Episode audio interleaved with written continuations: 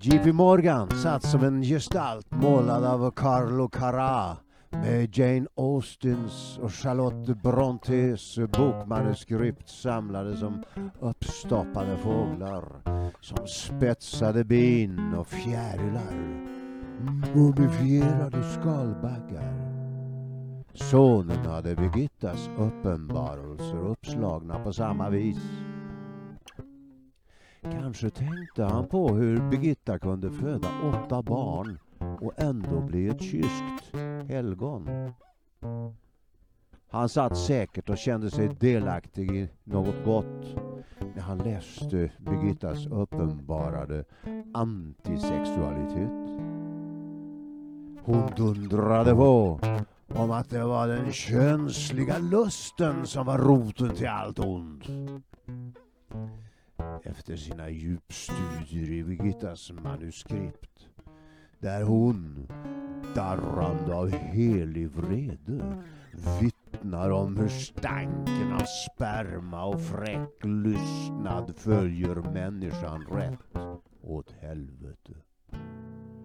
Begav sig sonen ut i affärslivet med gylfen bågnande. Själv satt jag med originella kvinnor och mådde gott. Han hade sin stund bland de obetalbara manuskripten. Jag hade min bland levande unga skådespelartalanger. Ibland de mer mognade konstnärinnorna Givetvis bland mina kära systrar. Även om jag då och då gjorde besök hos mitt eget älskade lilla helgon. Min frusna Elva. Jag var ensam under många långa timmar med henne. Läsande, kalkylerande, skrivande, aldrig masturberande. Hastiga slag på abakussen istället. Jag trivdes att dra på med smattrande salvor av de välformade stålkulorna. Jag kunde göra ränta på ränta beräkningar långt fram i tiden.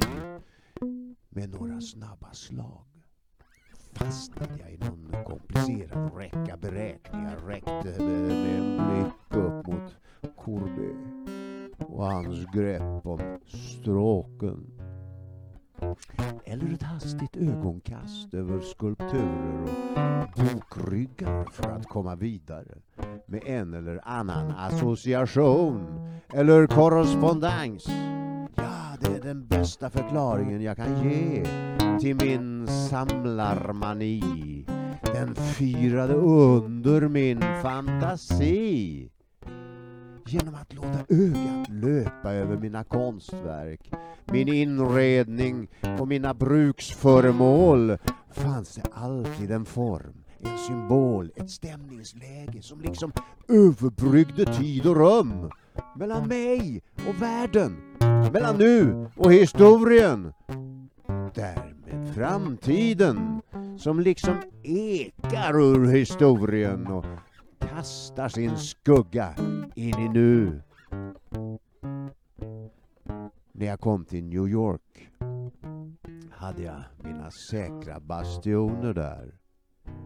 Min husfru på Park Avenue, Hilda Åberg, kunde också hålla blomstren friska och fräscha lagom till jag kom hem. Eh, blommorna var i särskilt hög grad en påminnelse om den levande omvärlden. Mina vänner och medarbetare var glada att se mig och lovade att inte sprida ut att jag var i stan. Eh, något de ännu mer eller mindre ofrivilligt gjorde och våra papperssteg på Wall Street. Vi behöver inte hissa någon flagg som visar att kungen är hemma. Man ser det på kurserna nere på gatan, sa Jordal, som hade en effektiv förmåga att smickra mig.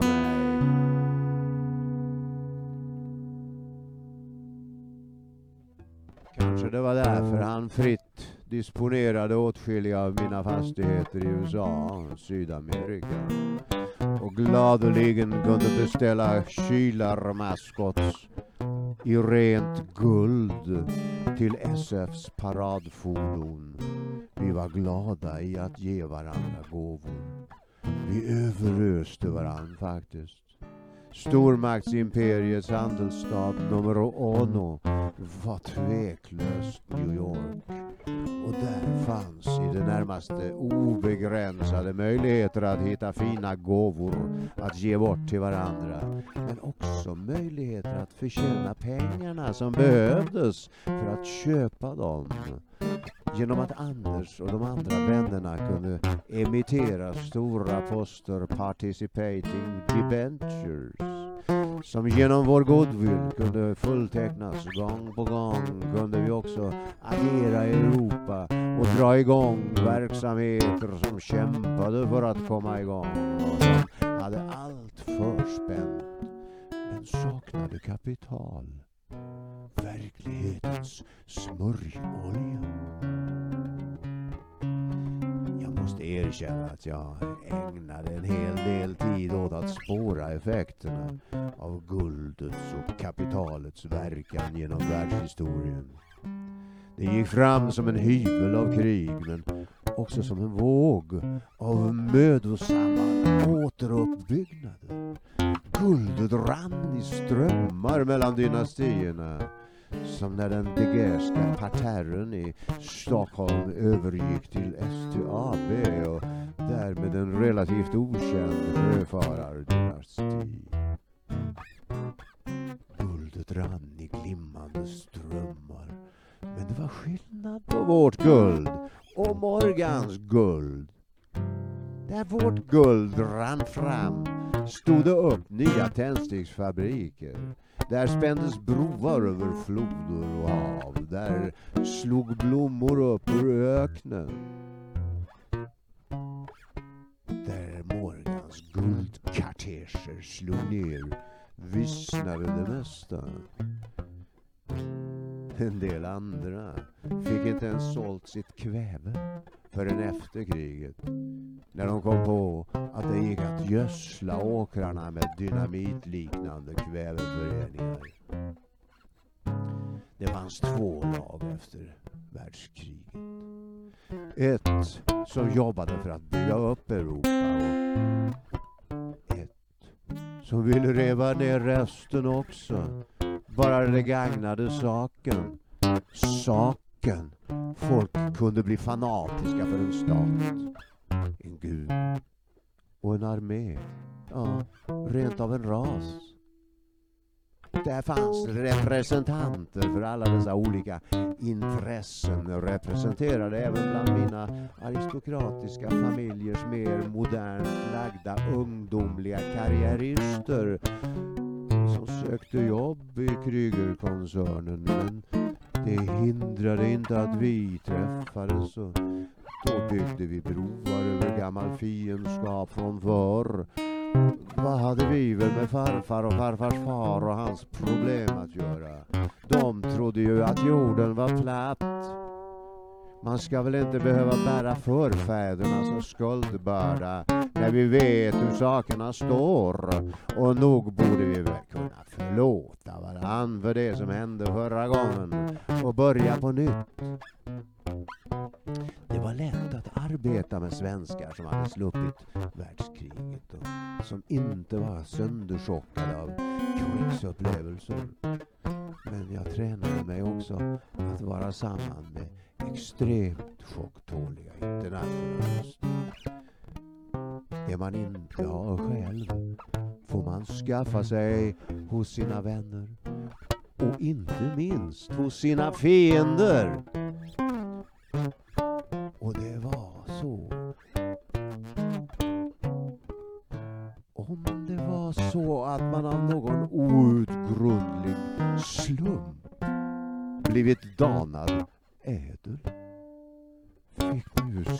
Skaffa information om det oädla i ormgroparna.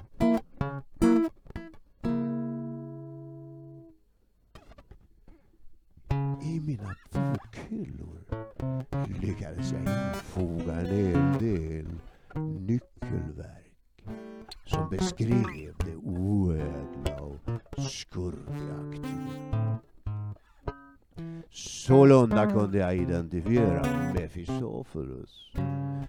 Mer eller mindre moderna inkarnationer när jag såg dem. I Stockholms bokhyllan ställde jag in Wassermans A compilation of the messages and papers of the presidents. 20 volymer. Cabinet Secrets av Cabanés. M. Prévost samlade. Balzacs samlade. Maupassants samlade. Anatole France samlade. Demusé samlade. Pilotis samlade. Ludvig Holbergs komedier. Stora upplagor. Birger Sjöbergs Kvartetten som sprängdes. Paul Gauguins Noa Noa. Höjsmans verk. Theokritos idyller. Shakespeares samlade i översättning av K.A. Hagberg. M.P. Vernouille Mill. Markis Lagergrens minnen. Albert Engströms samlade och Strix alla nummer 1897 till 1924. Heidenstams och Karlfeldts samlade Dickens hela produktion. Och Quelque Lettre de Marcel Proust. Hel markin med dedikation från författaren. Strindberg samlade i 54 delar de ryska mästerverken. Ellen Key samlade och Alexandra Kollontais Woman Fighters in the October Revolution. Så kunde jag hålla på länge och rada upp innehållet i mina bokhyllor i stort som smått. I kärnan av varje konstnärskap tyckte jag mig se någon sorts känsla av mindervärde eller förfördelning. Det som också kanske var kärnan i det skurkaktiga. Särskilt August Strindberg var tydlig och troligen ärlig i skurkaktiga självbetraktelser. Jag ville flickvän hela tiden ha dessa bokryggar omkring mig och det kom stadsbud med jämna mellanrum och bar in nya bokkartonger i mina hem. Det var säkert den bästa sidan av min samlarmani. För det får man ju kalla det. Att samla och avnjuta litteratur. Jag läste The Ladies Home Journal där Jane Adams där Jane Adams ofta skrev sina humana artiklar och Journal de Dame är det Mode i veckotidningarna och filmjournalerna höll jag mig ajour med vad som hände mina kära vänner filmkonstnärerna i Hollywood. I deras kretsar lärde jag mig att tänka i alla möjliga utfall i livets olika skiften. Men vi kom farligt nära löjets branter och jag tvekade när jag fick reda på hur Jordal hade hämtat Sjöström nere i hamnen.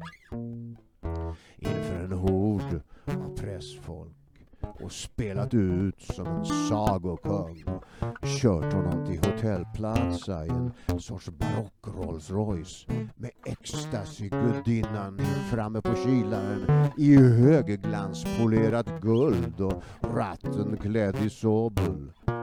Jordal hade extra utrustat detta lyxfordon för att göra PR för SF. Skulle man synas i USA fick man ju ta i. Det lärde sig Jordal tidigt av sådana som Edvard Bernet. Men detta var kanske att gå lite väl långt. Viktor Sjöström var inte alls förtjust i lyx. Jag fruktade att den känslige filmskaparen skulle vända på klacken och aldrig återvända. Efter det uppskjutna försöket att skapa ett europeiskt filmsällskap hade vi med SF tagit tag i de amerikanska möjligheterna och Sjöström fick ett kontrakt som han inte kunde säga nej till. Och vi förhandlade till oss distributionsrättigheter över hela världen.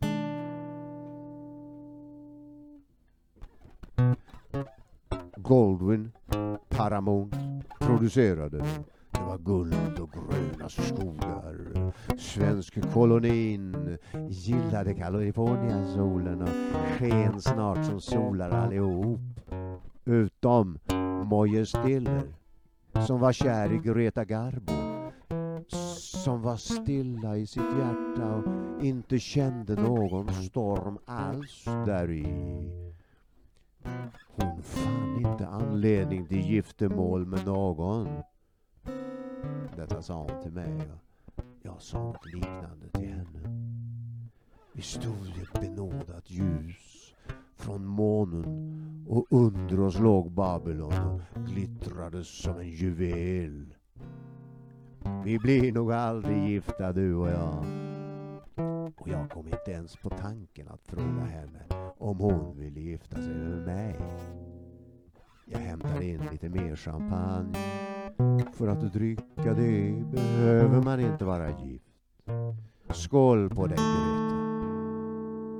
Skål på dig Krygivar. Vi bröt mot lagen och drack. Och gick ingenstans den natten. Greta stannade kvar när alla andra hade gått under glaskupolen och tog några rundsteg och såg lycklig ut. Hon såg ut över New York och tog en stilla klunk ur sitt glas. Efter en stund kom hon tillbaka in och bad att få sätta på radion. Och det var Nights of Americas. Och där kom en nyhetssändning mitt i musiken som omtalade att Babe Ruth återigen gjorde succé och att Meyer och Daves i Reconstruction Finance Corporation hade beslutat att arbeta mot protektionism. Vi kände oss starka och hade stöd av goda krafter. Det var samarbeten på många skilda fronter och målet var lätt definierat. Regeneration och rekonstruktion. Jag njöt i djupa drag av denna känsla och tror att jag för några ögonblick fick mer betalt än jag någonsin kunde förtjäna. Och Greta strålade sitt stjärnljus över liljekonvaljerna. Hon log sitt leende och sa Hur har du kunnat få det så här? Det är ju inte klokt. Du kan ju knappt finnas något mer fulländat. Än du då? Hur har du gjort? Sluta nu Ivar. Jag råkar vara född så här. Men du, du har byggt allt detta på riktigt.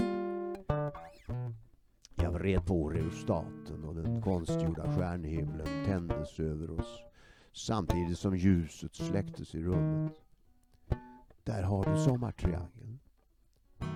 Känner du igen planeterna som kommer där på rad?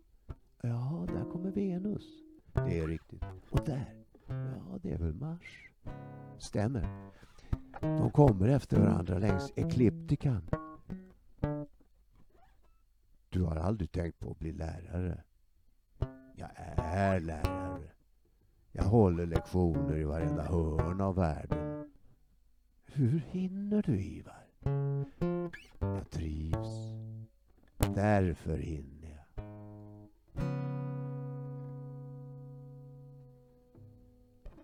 Vi lämnade planetariet och gick långsamt genom Rembrandts värld. Hans etsningar hängde i ett djupt dunkel för att inte förstöras. Endast ett skärmat gult ljus reflekterades svagt mot bilderna. Man fick stanna till inför varje verk och när ögat adapterat såg man lika bra, om inte bättre, som i ett normalt upplyst galleri. Vi gick ut i vinterträdgården. under glaskupolen med den verkliga stjärnhimlen över Manhattan. Vi blev stående i trädgården. Ett violett sken från osynliga lampor svävade kring min kvinnostaty som inte skadades av ljus utan fick en renässansskugga av violett. Ljus var mig heligt i sig. Inomhus hade jag en ljusorgel av glas där färger och ljusintensitet kunde fås att växla med automatik. Orrefors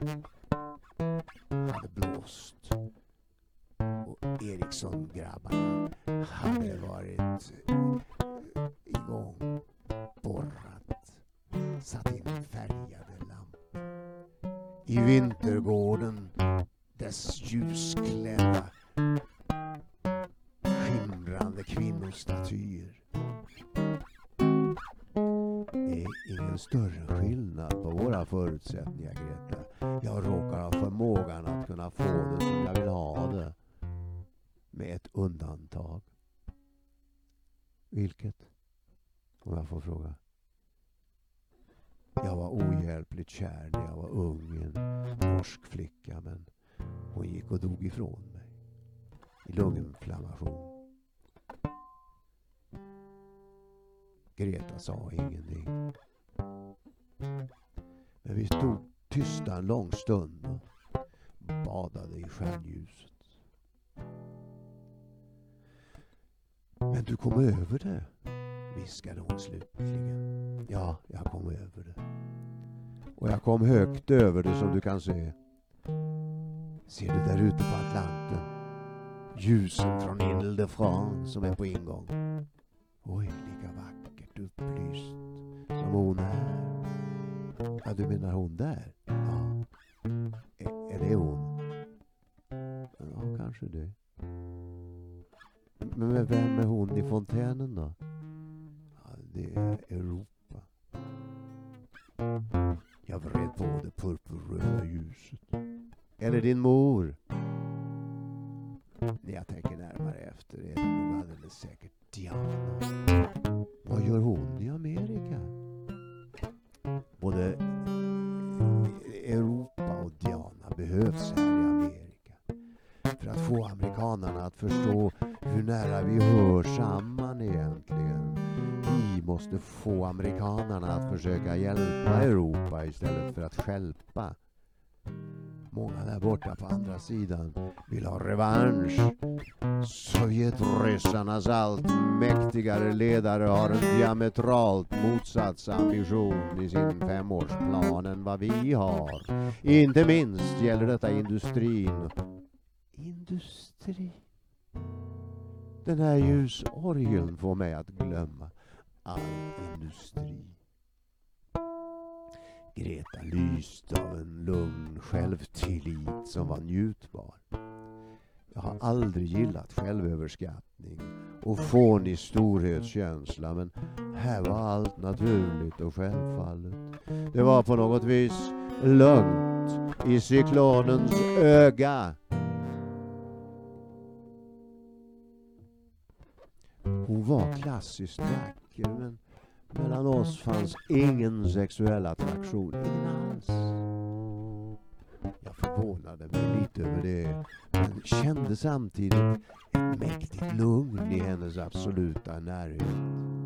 Och jag njöt av detta lugn som kunde likna den stillhet jag kunde känna när jag satt ensam eller möjligen med min sekreterare på andra sidan Atlanten eh, på Sank Avenue Victor Emmanuel eh, III i Paris. Och såg ett blänk i ett fönster på Grand Palais mittemot och inväntade svar från eh, regeringen som jag visste skulle gå i taket av lättnad när jag presenterat mitt låneerbjudande. Det var vad jag i mitt stilla sinne benämnde ett napoleanskt lugn. Jag kände när jag tittade på klockan och visste att dagen ännu var ung och flera timmar återstod innan det skulle bli möte med konseljpresidenten och den franska regeringen. Många månader och ibland hårt och att hårt arbete kröntes med ett sådant lugn. Det var lugnt kring Greta och det var lugnt de konstruktiva och mäktiga männen efter kriget. Under kriget var det måhända tvärtom. Kring Hindenburg och Ludendorff var det nog sällan någon mer gemytlig stiltje. Det låg förvisso en viss konstruktivitet även i att fundera ut ett effektivt sätt att explosivt dekonstruera sin fiende och framförallt hans krigsmaskiner. Jag kunde ju medge det. Försvarskrig var för övrigt något helt annat än anfallskrig. Där var jag och Nansen rörande eniga. Hemma i Norge var Fred pristagaren för ett starkt och välutrustat hemvärn. Nansen och jag delade intresset för jakt. Han jagade allt möjligt och vilt medan jag genomgripande höll mig till kråkor. Trots att de var så vanliga även nära bebyggelse var de besynnerligt svåra att träffa. De anade på långt håll att man var beväpnad, hur man än försökte dölja vapnet och skyggade där de kunde sitta lugnt och hånfullt gala när man kom obeväpnad. Det var lika svårt att få människorna att satsa på fredlig rekonstruktion och samarbete. Det kunde möjligen tänkas vara något lättare i små nationer med tätt sammanhållande kultur där stora grupper av människor närmast är släkt med varandra allihopa, stammar och ätter. Men avgjort svårare att få Amerika att hjälpa sin gamle och efterblivne broder Europa, eller ska vi säga syster, under sina sällsamma snillen Tjugasvili, Schickelgrupper och Mussolini. Gossar som inte fann något värde i demokratiska halvmesyrer eller parlamentariska kompromisser. De läste lusen av oss pacifister och menade att vi kom dragande med kärringläror och att det sårade faterlandet helt enkelt inte lät tala med sig. Det var nog inte någon... det var inte någon idé att Mm. komma med kylskåp och telefoner när det gäller något så fundamentalt som det egna folkets frihet. Machiavelli, bomber och hämnd. Jag tyckte hämnd hörde en barbarisk forntid till. Gom, som araberna kallade det, och blodshämnd som vikingarna hade det där.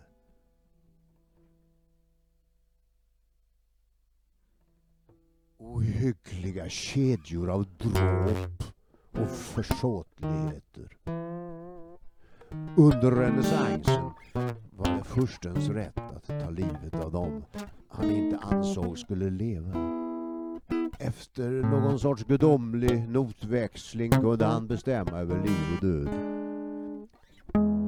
I Sovjet räckte det med en diktatorisk signatur i kanten på en lista med namn för att dödsdomen skulle utfärdas och välövade exekutorer med polerade vapen snabbt och effektivt stod till tjänst. Jag växlade budskap med gudinnorna istället, hemligen i Atticus efterföljd långa mardrömmar någon gång kunde upphöra. Det var moderligheten och förlåtelsen världen så innerligt behövde. Jag råkade vara karl nog att förstå det. Jag lärde mig genom att vända på Atticus mest väsentliga investeringar. Hur att finansiera moderligheten och göra den lönsam Mycket lönsam. Där Atticus finansierade såväl bleka och kutrögiga författare som solbrända och muskulösa gladiatorer finansierade jag Selma Lagerlöf och Greta Garbo. Men jag förstod Atticus väl när han bad Cicero yttersta sekretess. Där de bägge vännerna satt. Alltså omöjliga att avlyssna vid stranden av Fibrenus, i Arpinum, i fåglarnas kvitter och bruset av ett vattenfall. När han uttalade det faktum att han erkände sig ha kontakt med gudarna och räknade på deras aktiva ingripanden i världens gång. Jag ville sålunda inte heller att någon skulle känna till mina kontakter med gudinnorna. Det kunde ibland eh, kännas uppiggande när den rosenröda optimismen falnade en aning att ta del av Ciceros brevväxling med Atticus. Jag gjorde det med stor behållning, även om jag fann Atticus neutralitet närmast sfinxartad. Han finansierade Caesar. Han var Brutus nära vän och han kom hastigt på god fot med Antonius och Octavianus. Tre inbördeskrig gick han igenom. Utstod fyra invasioner av Rom med blodbad på blodbad och blev bara än mer förmögen och fick fler och fler vänner och var ständigt inbjuden till de verkligt betydelsefulla senatorerna och de till honom i hans residens på Quirinalen. Stora styrkor av vaktmanskap kunde vänta nere vid portalen medan en oförvägen senator var på besök. Oro uppstod när vederbörandes svurne fiende också kom på besök och parkerade sina säkerhetsstyrkor längre bort på gatan. Men hemma hos Atticus höll de sams. Det gällde bara för honom att se till att de inte gick därifrån samtidigt. Han återupptäckte Hellas och hade den i Rom tvivelaktiga smaken att älska dess konst och litteratur. Han avskydde politiken och avstod från alla politiska uppdrag men han trivdes tydligen mycket bra i sällskap med politikens mäktigaste utövare. Han lämnade som relativt ung Rom för att tillbringa tio år i Aten, därav namnet, och reste runt bland bildhuggarna och följde civilisationens spår bakåt i historien.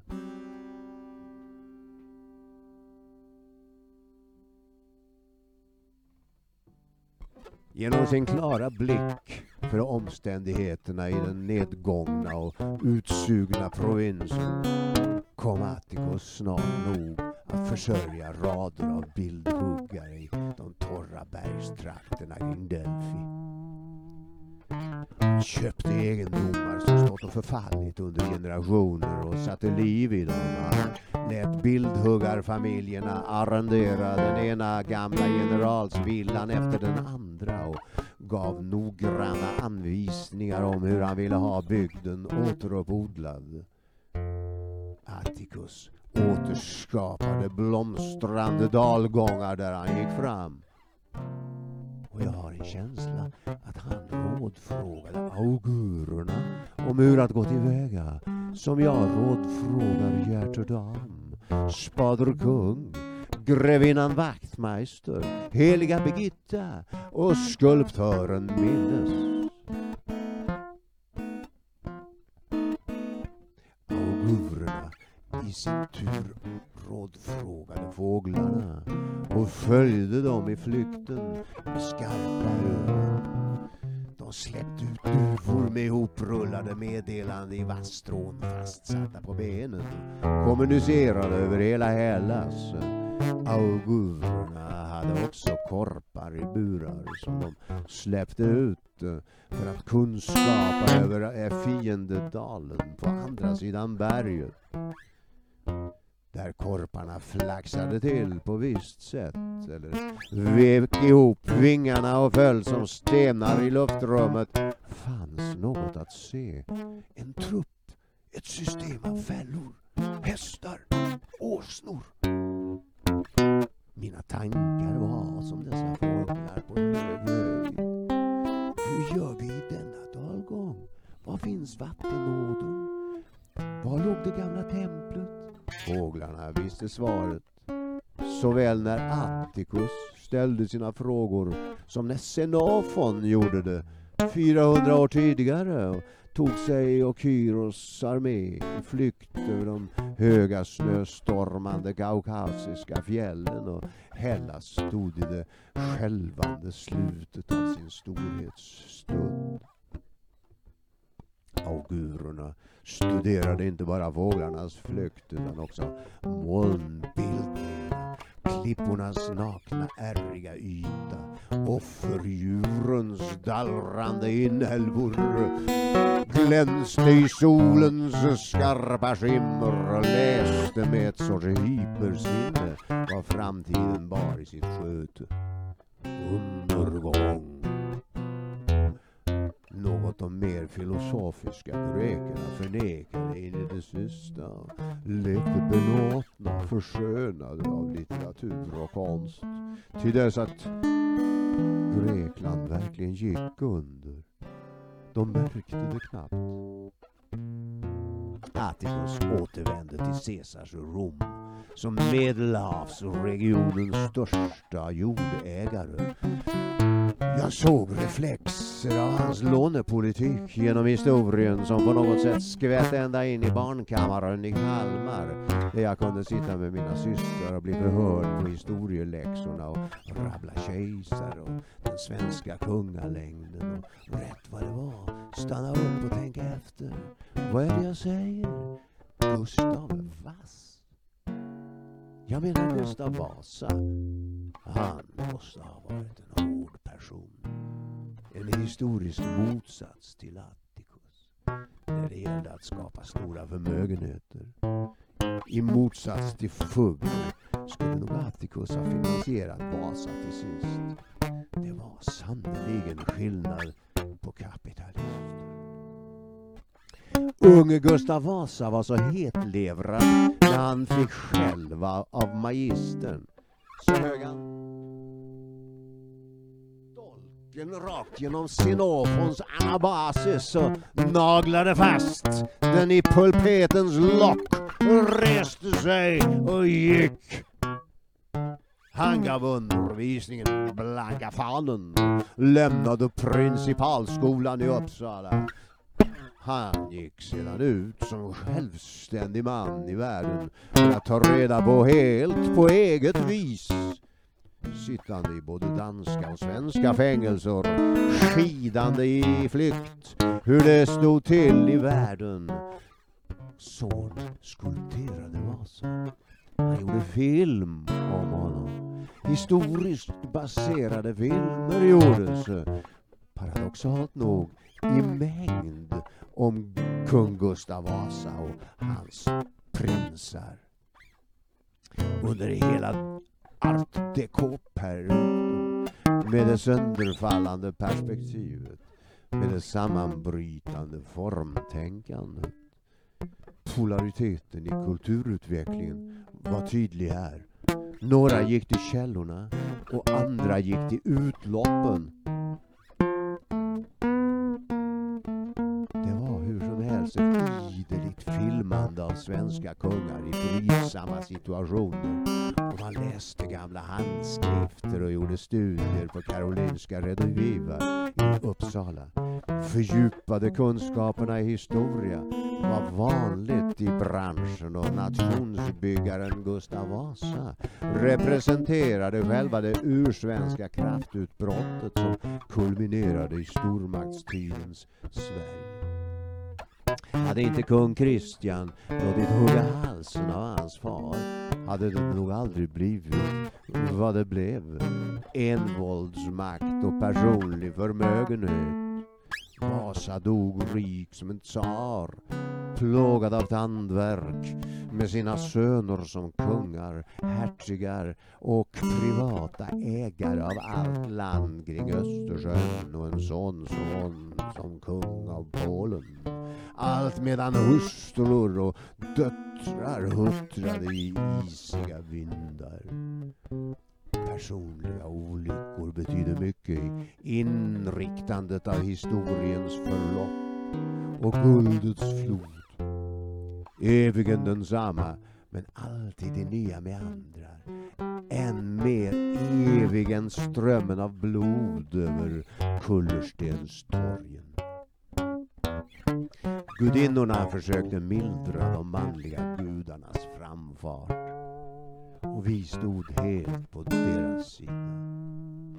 Men vi hade ett väldigt litet spelrum. Det fanns ingen väg tillbaka. Det fanns bara en väg vidare. Det kom till manlig hämnd och det blev mer revolution än vad någon någonsin hade hoppats.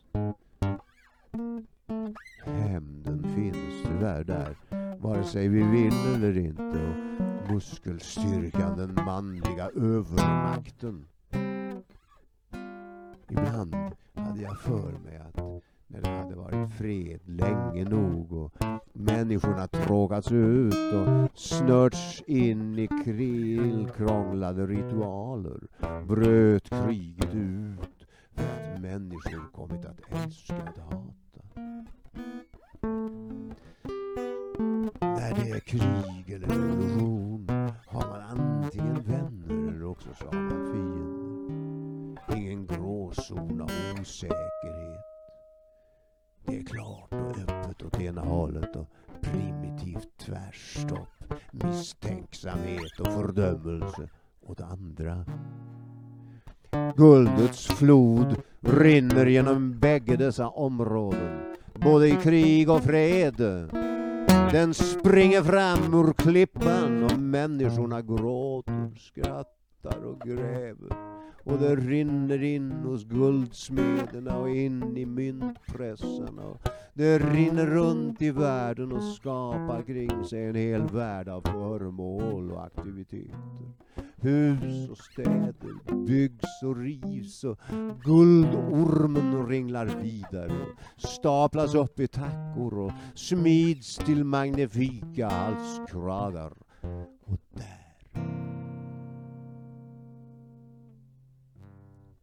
guld som fastnar i tänderna. Där är ecstasy som gnistrar på Jordals Rolls Royce. Han hade beställt en smidd i guld. Rent guld. Av skulptören Charles Robinson Sykes. Modellen var Eleanor Thornton. Rolls Royce-fantasten. Den andra Lord Montagu av Bellios älskarinna.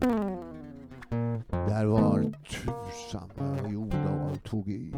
Inte undra på att den vanligen så reslige Sjöström såg lite krympt ut när han kom upp på Park Avenue. Men efter en whisky lättade trycket. Han trodde inte att han skulle få någon whisky i Amerika, men det fick han. Kennedy hade ständigt whisky lagrad på den kanadensiska sidan om utifall att förbudet skulle upphävas. Något som varje sann amerikanare av irsk eller skotsk härstamning hängivet brann för. Bronfmans lagrade ännu mer och överglänste Kennedys och, och var alltid en noslängd före mot en rask affär på andra sidan gränsen. Kanada införde alkoholförbud 1915 och Bronfmans importerade. Förbjudet det upphörde 1919 men då infördes det i USA istället och Bronfmans exporterade. Little Joe Kennedy försökte hänga med i omslagen så gott han kunde. Det fanns genom dessa herrars idoga ansträngningar alltid någon provsändning att sätta skopan i, även i förbudstider. Lagarna var nog rätt så stränga men undantag kunde alltid göras för en läkarförskriven alkoholdos mot trötthet och depression. Dr Joseph Wheelwright förskrev kanske inte whisky utan långt mer avancerade bedövningsmedel. Något jag hade mycket dålig erfarenhet flera gånger under min tid i New York.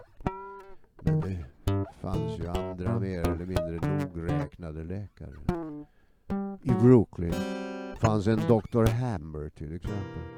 Han var granne med gubben. Men han åkte fast för mord under det att hans son avancerade till handelsman i påskägg och pennor i Sovjetunionen. Rännilarna var små men många och lättpratade klubbar dök upp där man kunde få spetsat te. Vi gick på Onyx Club och hörde Bix Beiderbecke sista konsert. Sjöströmformligen strålade av glädje över att komma maximalt långt bort ifrån all fåfänga och flärd samtidigt som hans whiskytörst kunde stillas. Tanken slog mig faktiskt, även om jag skämdes för den, att det var han som var ett litet barn som sträckte sig efter tutten när han sträckte sig över efter drinken och skottarnas kylt och tuttertörst. Håriga knän, längtan efter mjukhet, vila och glömska. Egendomligt nog tyckte jag mig också ana mjukhetslängtan hos de stilla bildernas mästare, Zorn. Om de bara fick suga lite whisky skulle allt bli bra. Det blev banne med det också. Sjöström förändrades långsamt inför mina ögon och blev lugnare och lugnare. Blicken stabiliserades och hans skådespelarkoncentration kom över honom som en röstning. När han la märke till utsikten över kvarteren runt Central Park blev han dock lite nervös igen. Men så snart vi kom igång med resonemangen blev det åter lugnt. Och han berättade vad som hade hänt de senaste åren i filmens värld. Hur han och G. Julius och G. Johnson funnit filmfotografiens mästare. Du har ju lika avancerade ljussättningsmöjligheter här i din Vintergarden som jag har i Råsunda. Ja, jag har också mycket riktigt fått tips av både GG och GG. den ene så Gustav den femte. Han drev med svenskheten i vad många artister menade var en sorts hatkärlek. Är det inte Oscar du menar? Rolf de Maré och hela den svenska balletteliten flyttade till Paris. Formidabel succé och framgångar. Varför stannade de inte hemma i Stockholm och dansade på Operan? Jo, de var för avantgardistiska helt enkelt. De sprängde barriärerna. Och vi, varför är vi i Amerika? Jo, för vi vill pröva något nytt.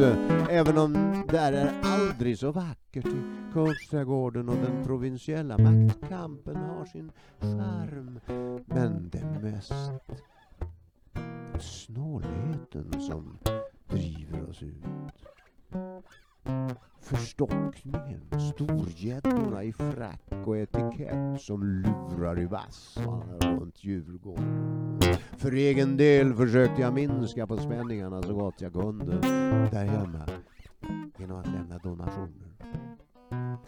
Då och då var det viktigt att uppdatera intrignätets kraftlinjer. Jag hade som princip att rättvist fördela bidragen och bidrog starkt till att rösträttsrörelsens många djupt engagerade kvinnor skulle kunna få komma till uttryck där hemma i den vackra avlångheten. Faktiskt med högre tariff än när högern kom och bad om bidrag till sina partikampanjer eller pressorgan. Jag tyckte att all publicistisk verksamhet här hemma, inklusive de akademiska tidskrifterna Forum och Skandia, var värd stöd och beviljade ansökningar oberoende av partifärg och ämnesområde. Ja, du är rent otrolig. Du stödjer rödstrumpor och gud vet om du inte också stödjer de cigarettrökande och stenkastande suffragetterna. Och kvinnor får verkligen rösträtt. Du stödjer filmindustrin och vi blir plötsligen intressanta i hela världen. Du stödjer den svenska tändsticksindustrin och den har världsmonopol. No, no, no. Det är ju ni som gör jobbet. Jag tycker alla människor, oberoende av om de stod till höger eller vänster, läste Ellen Key eller August Strindberg, såg ut som om de hade auror. Men det gjorde jag bara för att jag hade sett så fina flödeslinjer kring den stavmagnet som magister Kalmarén med sina bläckfiskarmar fick att dallra. I undervisningen på slutet av 1800-talet älskade skollärarna att visa på hur järnfilspånet linjerade sig i magnetfält. Det fanns krafter i luften som man inte såg eller kände annat än om man strödde järnfilspån i dem. Men det fanns en del elever djupt inne från Smålands urskogar som verkligen tyckte att eh, magistern var en trollkarl. Var de kväkare eller läsare visste de ju att det var Gud som visade sin skepnad för de små människobarnen. Fältlinjerna såg jag sedan kring människorna också. Fast det var min fantasi.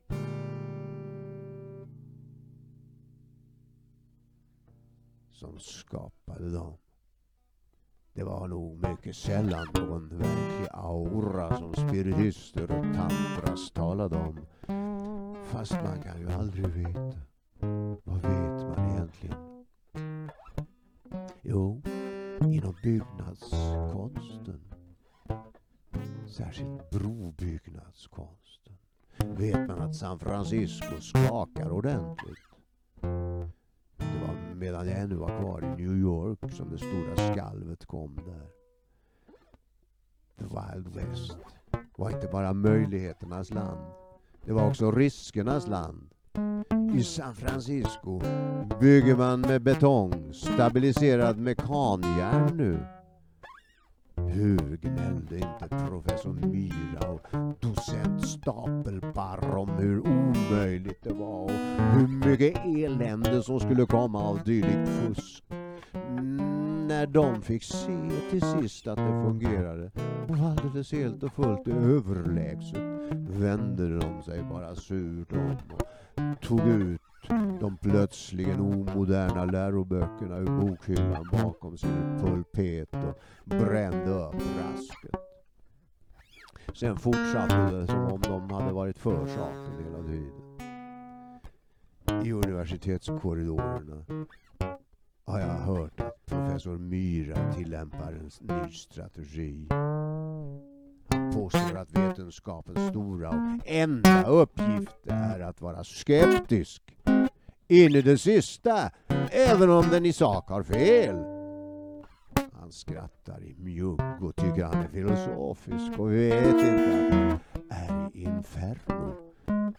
Är det Laurits Weibull du kallar för professor Myra? Att vara skeptisk till det goda och välfungerande, är inte det destruktivt mer än nihilistiskt?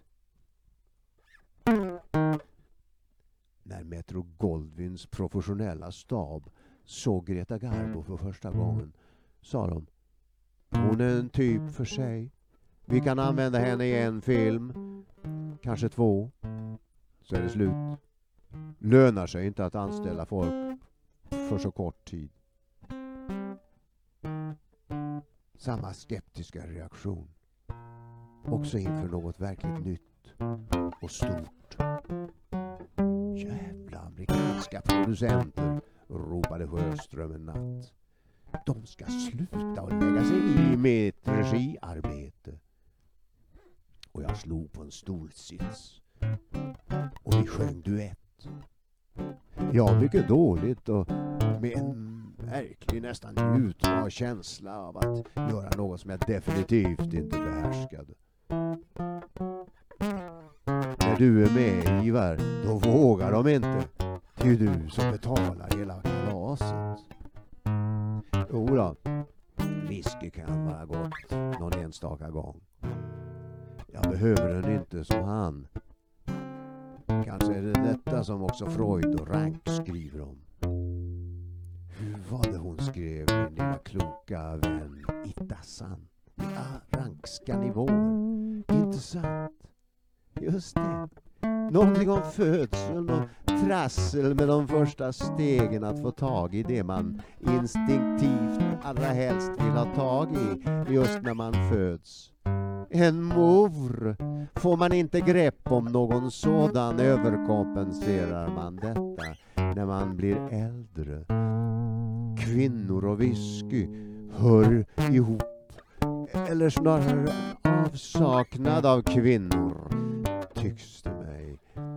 På något känslomässigt behovsplan. Skutan är rank. Men Sjöström var räddad.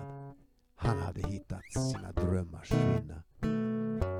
Erastov, han hade lyckats också förmedla en sorts kärlekens seger i sitt tragiska mästerverk. En konstnärligt mycket lyckad överkompensation i mina ögon. Karin Bökman, min synnerligen effektiva sekreterare, som i smyg nog hyste väldigt varma känslor för sin chef. Förde då och då självförtroende på tal och sa att jag hade ett fullkomligt otroligt självförtroende.